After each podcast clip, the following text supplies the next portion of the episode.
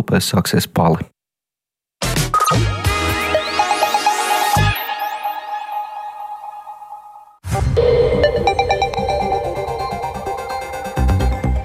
Piecas minūtes pāri 12. skan 10. marta ziņu raidījums pusdiena, kurā plašāk skaidrosim šīs dienas svarīgos notikumus.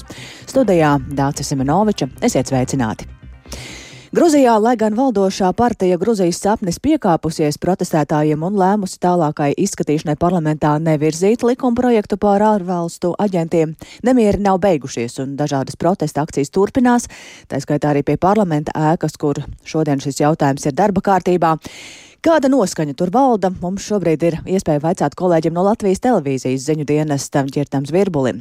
Viņš šobrīd ir galvaspilsētā Tbilisī pie parlamenta ēkas. Sveiks, Girt, kas šobrīd notiek un vai šīs dienas parlamenta sēde jau ir beigusies? Sveika, Dārcis, sveiki, klausītāji. Jā, parlaments sēde ir beigsies, ka tā jā, lēmums par minēto ārzemju aģentu likumu ir pieņemts. Uh, kamēr sēde norisinājās šeit pie parlamenta ēkas ārā, uh, arī norisinājās uh, protesta akcija. Tie paši cilvēki, kas pēdējās dienās ir protestējuši pret šo likumu, arī šodien bija pulcējušies tiek mazākā skaitā nekā pēdējās dienās. Rēķinu, ka šeit varēja būt nu, kāds pusotrs tūkstotis, divi tūkstoši cilvēki. Nu, akcija bija ļoti skaļa, eh, bet arī noritēja bez eh, tādiem ekscesiem un policijas brutalitātes, kas bija redzami iepriekšējās dienās. Eh, gaisotne bija pozitīvāka, cilvēki apzinās, ka nu, vismaz šajā ziņā savu ir panākuši. Liela daļa sanākušo bija jaunieši, faktiski lielākā, uzkrītoši lielākā daļa bija jaunieši studenti, daudz ar Grūzijas, Ukrainas, Eiropas Savienības karoģiem. Jā, pasākums, kā teicu, bija skaļš ar svilpšanu, un, bet nu, kopumā pozitīvs, arī bez aizstrātiem, kāda ekstrata policija neveidojās, kādu personu gan no pasākuma izraidīja, bet tas, kā, kā man paskaidroja, ir kāds provokātors, drīzāk blogieris provokātors, kurš pat netika arī aizturēts, vienkārši viņam tika lūgts pamest pasākumu teritoriju. Bet jā, sēde ir beigusies un uh, cilvēki jūtās gandarīti par šo. Šobrīd arī šeit pie parlamenta faktiski visi ir izklīduši, policija gan vēl ir, vēl joprojām uh, bloķē vārtus parlamenta ieejai bet uh, faktiski visi cilvēki jā, jau ir devušies projām savās ikdienas gaitā. Jā, tā tad ir pieņems lēmums tālāk uh, izskatīšanai nevirzīt šo likuma projektu. Es tā saprotu, tu jau minēji, ka visi pamazām izklīst. Vai tev ir zināms, uh, vai šādas protesta akcijas ir plānotas arī turpmāk? Jā, runāju gan pasākumu laikā, gan pēc pasākuma ar vairākiem uh, cilvēkiem, uh, arī ar opozīcijas vienu no līderiem uh, Giga Bokeriju, un viņi visi atzīst, ka šī ir tikai tāda viena maza uzvara, tātad uzvara kaujā, bet ne karā, pārliecināti, ka tā lielā uzvara vēl tikai būs priekšā, uh, bet uh, tam būs nepieciešams arī vēl citas uh, protesta akcijas, jo cilvēkos saglabājas bažas gan par to, ka pret uh, Eiropaiski noskaņotām organizācijām varētu vērsties uh, citiem līdzekļiem, ne ar šo likumu. Tāpat arī, kā man stāstīja studentu pārstāvī, ka oficiāli izskanējusi informācija par to, ka gandrīz visi iepriekš aizturētie protesta dalībnieki esot atbrīvoti, nesot patiesa, esot vēl vairāki desmiti cilvēku ieslodzījumā par viņu dalību iepriekšējās protesta akcijās, tā kā droši vien tiks rīkot arī pasākumi viņu aizstāvībai.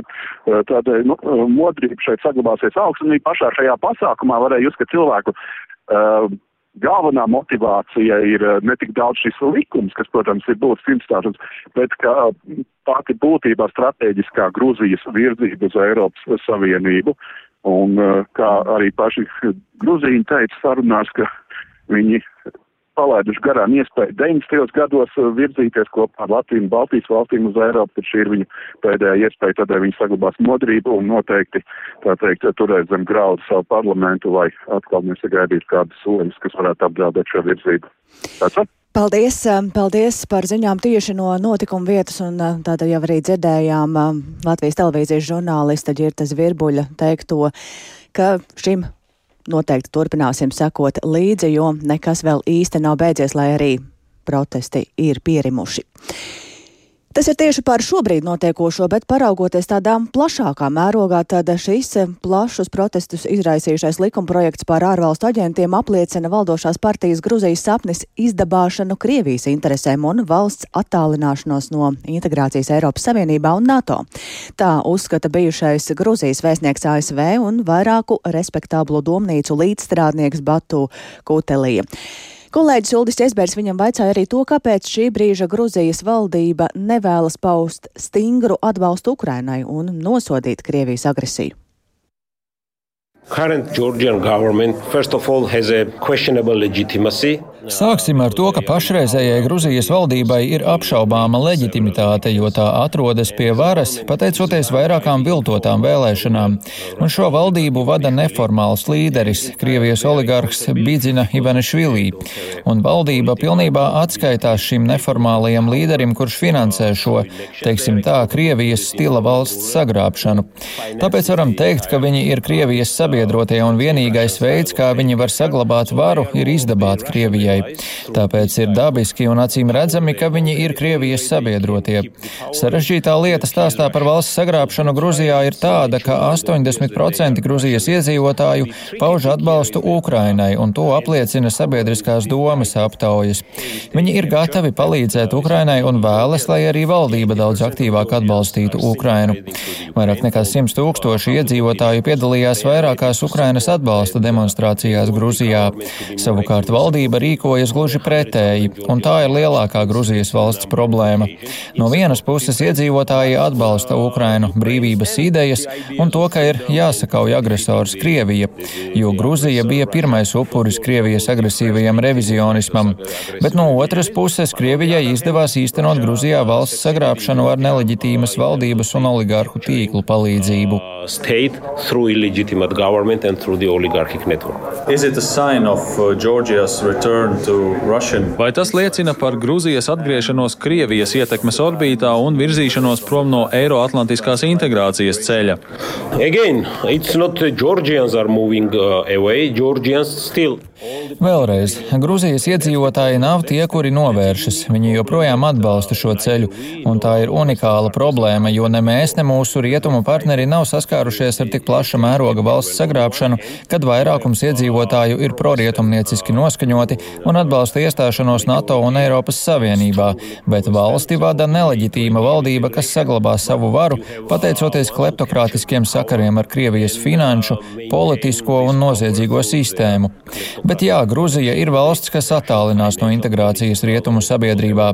Pēdējais piemērs tam bija valdības ierosinātais ārvalstu aģentu likuma projekts, kas pilnībā kopēja Krievijā pieņemtu likumu. Tas vēlreiz skaidri apliecināja, ka pašreizējā Gruzijas valdība īsteno valsts sagrābšanu, vadoties pēc Kremļa rokas grāmatas. Diemžēl Gruzijas iekšēnē vairs nav resursu, kas palīdzētu valsti pagriezt citā virzienā. Gruzijas vienīgā iespēja atgriezties prorietumnieciskas integrācijas trajektorijā teritorijā ir spēcīga ārējā spiediena izdarīšana uz tiem, kuri ir pie varas, piemēram, ar sankciju ieviešanu pret Ivanišvili un citiem neformālajiem vadītājiem. Tāds lūk bijušā Grūzijas vēstnieka ASV Batu Kutelī redzējums. Un vēl viens reģions, kuram šodien redzīmā pievēršamies, ir Ķīna. Komunistiskās Ķīnas prezidents Sīdziņpins oficiāli ir apstiprināts uz trešo amata pilnvaru termiņu, tādējādi kļūstot par visilgāk valdījušo valsts vadītāju gandrīz 50 gadu laikā. Šonadēļ sākās Ķīnas parlamenta Nacionālā tautas kongresa ikgadējā sesija, kuras laikā izraudzīsies arī nākamo premjerministru un vairāk stāstu Uldis Česberis. 习近平赞成。Gandrīz 3000 Nacionālā tautas kongresa locekļu šodien vienbalsīgi apstiprināja Sīdziņpinu valsts prezidenta amatā vēl uz pieciem gadiem. Līdz ar to Sī kļūs par pirmo valsts vadītāju kopš komunistiskās Ķīnas dibinātāja Mao Dzeduna, kurš amatā pavadīs ilgāk par desmit gadiem. Sī 2018. gadā panāca, ka no Ķīnas konstitūcijas izsvītroja punktu, kas pilnvaru laiku prezidenta amatā ierobežoja uz diviem piecu gadu termiņiem. Šo ierobežojumu ieviesa 1982. gadā gadā, lai nepieļautu, ka valsts vadītāja amatā pārāk ilgu laiku ir viens cilvēks. Kopš stāšanās amatā 2012. gadā Sī pakāpeniski ir nostiprinājis savu varu un ap sevi sapulcējis tikai pašus lojālākos komunistiskās partijas biedrus, bet viņa potenciālie oponenti ir pastumti malā. Pērn oktobrī notikušajā partijas kongresā Sī vēlreiz apstiprināja partijas ģenerālsekretāra amatā. Līdz ar to tika lausta tradīcija, ka Ķīnā reizi desmit gados mainās līderis. Tādējādi 69 gadus vecais Sī lika saprast, ka viņš amatā varētu palikt līdz mūža beigām. Nacionālais tautas kongress šodien Sī pārvēlēja arī centrālās militārās komitejas priekšsēdētāja amatā, kā arī iecēla jauno Ķīnas viceprezidentu Haņu Dženu un parlamenta priekšsēdētāju Džao Ledzī, kuri abi iepriekš bija komunikācijas komunistiskās partijas augstākās lēmēja institūcijas, politbīroja pastāvīgās komitejas locekļi. Ķīnas parlamentam būs jāievēl arī nākamais premjerministrs, kurš stāsies divus termiņus nostrādājušā Lī Ketsjana vietā. Visticamāk, ka šajā amatā tiks iecelts Līts Jans, kurš ir Tusī sabiedrotais, taču komentētāji norāda, ka premjers Līts Jans nebūs tik ietekmīgs kā viņa priekšgājēji, jo Sī ir ievērojami samazinājis valdības vadītāja pilnvaras. Ķīnas Nacionālā tautas kongresa ikgadējā sesija turpināsies līdz pirmdienai, kad to noslēgs šī uzruna parlamenta locekļiem - Uldis Česberis, Latvijas radio.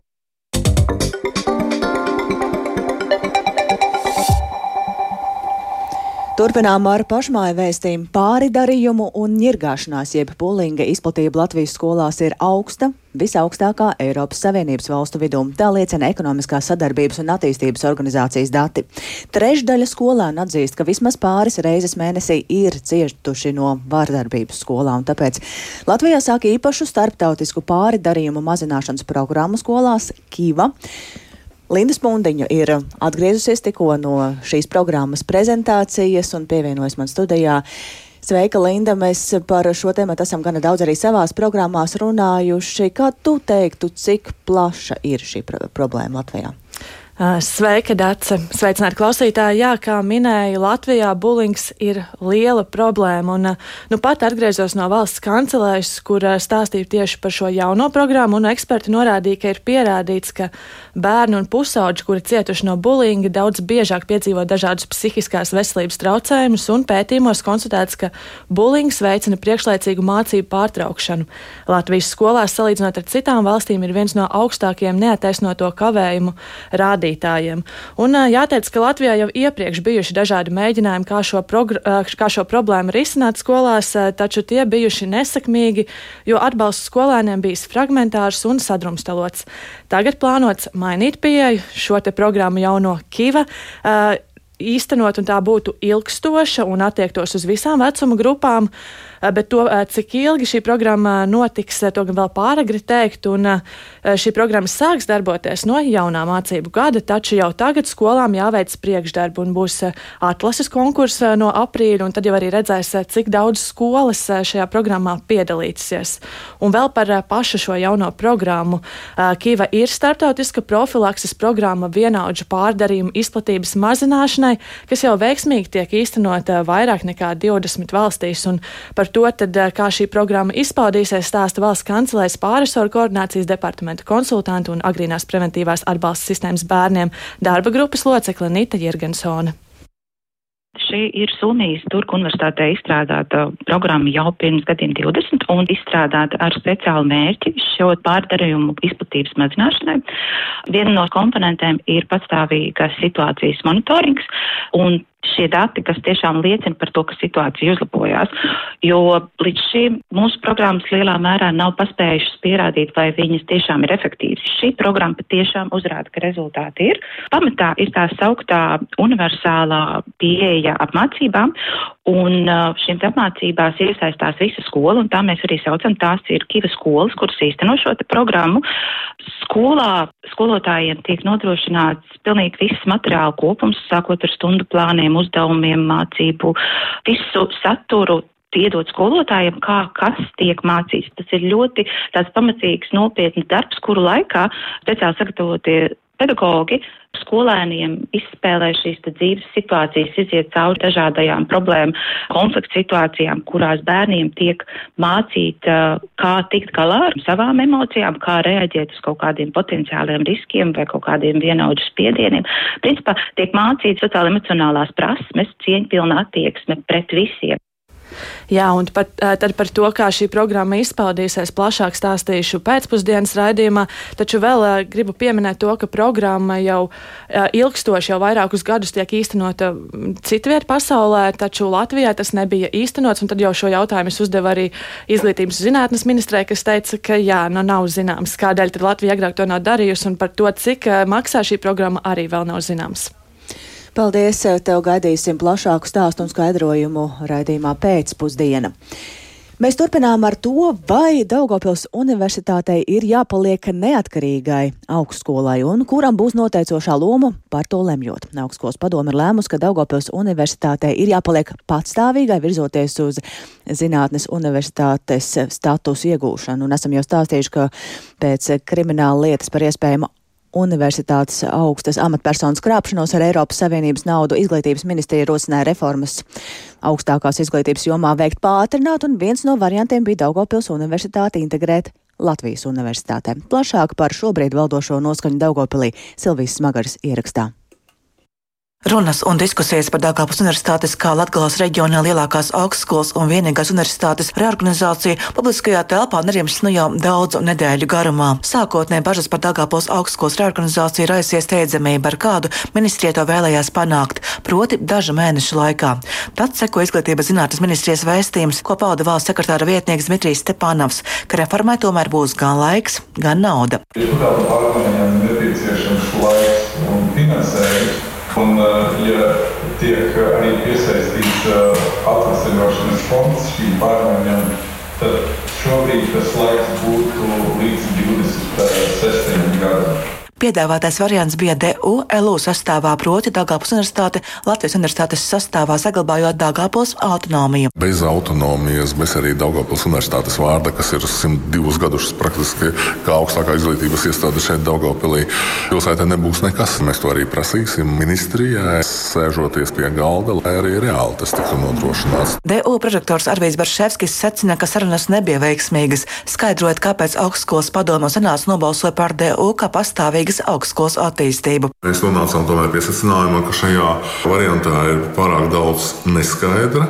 Vai tā ir aģentūra vai ja Latvijas universitātes gadījumā iestāde, ka šis status jau patiesībā mūs ļoti būtiski ierobežo tālākajā attīstībā, jo kā līdz šim nebūs iespējas pieteikties uz dažādiem projektiem neatkarīgi. Turklāt ar starptautisko zinātnisko novērtējumu 2020. gadā, kas šobrīd atbilst vērtējumam labi, augstskola var pastāvēt neatkarīgi. Mums arī īsti nav saprotams, kāpēc Daugopils universitāte ir vienīgā universitāte no tiem, kas ir saņēmuši pozitīvu zinātnes izvērtējumu. Šajā gadījumā trīs balvas, kas skaitās nopietnas nacionāla līmeņa spēlētājs.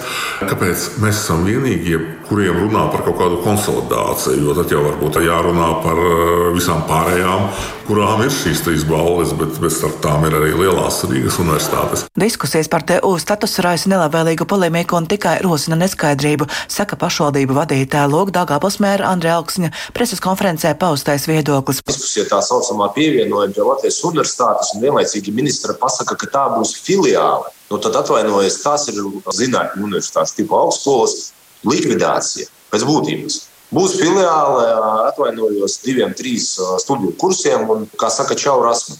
Tas būtu trieciens visai Latvijai, reģionam. Skeptisks par neatkarības statusu zaudēšanu devu arī augšdāgavas novada vadītājs Arvīts Kocins. Nekas jau labs nebūs. Un līdzīgas domas pauž iedzīvotāji Dāngāplī. Nu, protams, ka reģionos ir jābūt uh, savai augstskolai, jo bez uh, universitātes esamības reģionā arī visam reģionam tas ir uh, mīnus. Protams, jābūt neatkarīgai, lai varētu realizēt projektus un piesaistīt Eiropas naudu uz reģionu. Un vispār kopumā neredzu jēgu apvienošanai. Arī Saimas Latvijas apakškomisijā šonadēļ izskanēja viedoklis, ka tieši Dāngāpus universitātei kā pastāvīgai augstskolai ir svarīga loma turpmākā Latvijas attīstībā, drošības veicināšanā un latviešu valodas stiprināšanā pierobežā. Visticamāk, politiskām viedoklim arī būs izšķirošā nozīme DU statusa noteikšanā. Silvija Smagra, Latvijas radio studijā Latvijā. Par Daugopils universitāti plašāk turpināsim skaidrot arī raidījumā pēcpusdiena. Bet vai Latvijā ir medikamentu rezerves ārkārtas situācijām? Kādām zālēm un cik daudz būtu jābūt krājumā tā dēvētajai X stundai? Par to dažādu jomu eksperti sprieda farmācijas uzņēmuma Olainfarm konferencē un plašāk par to Zana Seniņas ierakstā. Skaidra, nepārprotama atbilde uz jautājumu, vai medikamentu nodrošinājumu ziņā Latvija ir gatava x stundai, konferencē neizskanēja. Piemēram, Nacionālā veselības dienesta direktors Hārs Kasparāns pauda, ka zāļu rezerves esot izveidotas daļēji. Savukārt par to, cik lieliem jābūt šādiem krājumiem, izteicās slimību profilaks un kontrolas centra epidemiologs Jurijs Perevoščikovs. Runājot par um, nodrošinājumu pret zināmiem draudiem, vienmēr jābūt kaut kādam daudzumam, kas ir rezerves. Rezerves daudzums parasti ir 25% jau no tiem medikamentiem, kas ir. Tāpēc, ka varētu būt pārtraukums, antibiotikas, vakcīnas. Tas ir zelta standarts, jo bez šī rezerves krājumā, kurš ir apgrozāms, tad mēs varam to izmantot, bet viņš vienmēr vajadzētu būt. Bet mums tāds ir? No atkarībā no medikamentiem es nevaru apgalvot par visu medicīnu, bet tas ir nosacījums vismaz ar vakcīnu nodrošinājumu. Tāpēc, ka pārtraukumi pie piegādes, pie ražošanas ražošanas procesiem vienmēr neizbēgami mūsdienas. Farmācijas nozares speciālisti uzsvēra, ka katra ražotāja atbildība pieregistrējot valstī kādas zāles ir nodrošināt šī medikamenta krājumus. Taču vēl nesen, kad daudzi slimoja ar gripu un citiem elpceļu vīrusiem, bija vērojams noteiktu zāļu deficīts, kas bija saistīts ar izēvielu piegādes pārtraukumu no ražotnēm austrumos. Taču zāļu rezervju veidošanai vai neveidošanai farmaceitiskajiem uzņēmumiem ir vēl kāds iemesls, skaidro uzņēmuma reformu valdes loceklis un ārkārtas situāciju eksperts Jānis Vanaks. Pašreizējais regulējums Latvijā ir veidots tā, lai būtu veidots tieši labvēlīgas zāļu cenas, zemas zāļu cenas, nevis augsti, lieli krājumi. Jo tas ir savstarpēji saistīts. Jo lielāka krājuma, jo lielāka nauda jāiesaldē. Jo lielāka nauda jūs iesaldējat, jo dārgāk maksā medikaments aptiekas plauktā. Latvijā lielākoties izmanto importētus medikamentus. Vietējie ražotāji aizpilda tikai 4% tirgus. Tas nenozīmē, ka ražošanas kapacitāte ir zema. Lauvas tiesu saražotā pašlaik eksportē, un arī x stundā, ja robežas būtu slēgtas un piegādes pārtrauktas, vietējie farmaceitiskie uzņēmumi spētu kaut daļēji nodrošināt trūkstošo. Taču tam saulēcīgi jāsagatavojas. Valstī jāvienojas ar zāļu firmām par to, ko no tām sagaida. Tas nenotiek. Tā intervijā teica uzņēmuma Olaina farma valdes priekšsēdētājs Juris Bundulis. Covid krīze ļoti labi parādīja, ka šī situācija var vienā dienā iestāties. Un tāpat arī zāļu reģistrā vajadzētu būt paskatīties vispirms teiksim, tās pozīcijas, kur trūkst, kur trūkst konkurences, kur trūkst citu ražotāju. Un, un ar nacionālajiem ražotājiem ir jārunā un šādām programmām ir jābūt, jo mēs esam uz vietas un kaut kādas arī loģistikas pārtraukumi mūs neietekmē šī ziņā. Tepat mēs varam sarožot un to nodrošināt. Farmaceitisko sektoru stingri regulē. Pielāgošanās jaunu zāļu ražošanai ir nevis dienu, bet gadu jautājums. Tāpēc gatavību X stundai nevarēs sasniegt tad, kad kritiskais brīdis jau būs pienācis, tā izteicās ražotāja pārstāvis. Zana Eniņa, Latvijas radio. Un vēl Latvijā pēc trim gadiem pasažierus sāks pārvadāt deviņi jauni akumulātoru bateriju elektrovilcieni, kas cilvēkus pārvadās Rīgas un Pierīgas dzelzceļa līnijās, kas nav elektrificētas. Vilcieni būšot klusāki un vidē nekaitīgi, un, lai tos iegādātos, valdība šonadēļ piekrita tam atvēlēt teju 75 miljonus eiro. Kā valstī sokas ar šo projektu un cik gatavi tam esam, to zina stāstīt kolēģis Viktors Demīdovs, kurš pievienojas studijās. Veiks, Viktor! Jā, sveicināti! Tātad šie akumulātoru bateriju elektrovilcieni varēs kursēt gan līnijās, kas ir elektrificētas, gan arī kas nav. Kur elektrība būs, tad, tad tie darbosies līdzīgi kā parastie elektrovilcieni, bet kur tās nebūs, būs, vilcieni izmantos enerģiju no akumulātora. Tātad tie būs klusāki un neizdalīs izmešus. Kopumā paredzēts iegādāties deviņus vilcienus. Šonadēļ valdība atbalstīja teju 75 miljonu eiro priekšfinansējumu no Eiropas atvesļošanās fonda. Tas ļaus iegādāties septiņus spēkratus, bet vēl divus plānots iegādāties par uh, kohēzijas fonda naudu. Tātad visi vilcieni būs par Eiropas naudu. Kopumā deviņi vilcieni varētu izmaksāt ap 90 miljoniem eiro. Lūdzu, paklausīsimies satiksmes ministrijas dzelzceļa politikas un infrastruktūras departamenta direktoru Kārli Eņģeli. Iecerētie iepirkuma pirmie deviņi elektrovilcieni neatrisina visus jaunu vilcienu ieviešanas eh, jautājumus, bet tas ir nozīmīgs eh, pirmais solis eh, kopā ar 32 elektrovilcieniem, kuru iegāda pašā noslēguma fāzē, un šī gada laikā mēs sagaidām to piegādu nonākšanu eksploatācijā, tad nu, arī eh, ir nepieciešams eh, dīzeļdegvielas vilcienu nomaiņas plāns. Jā, tālāk arī izteicās satiksmes ministrijas pārstāvis Kārlis Enģels, un tālāk mēs par to plašāk runāsim raidījumā pēcpusdienā. Paldies! Gaidīsim tavu stāstu pēcpusdienā, un ar to šobrīd arī izskan raidījums pusdiena. Producenta Ilza Agīnta ierakstus montēja Uldis Grīnbergs, par labskaņu rūpējās Jāna Dreimane un ar jums sarunājās Dācis Semenoviča. Meklējiet mūsu raidījumu arī raidierakstu platformās.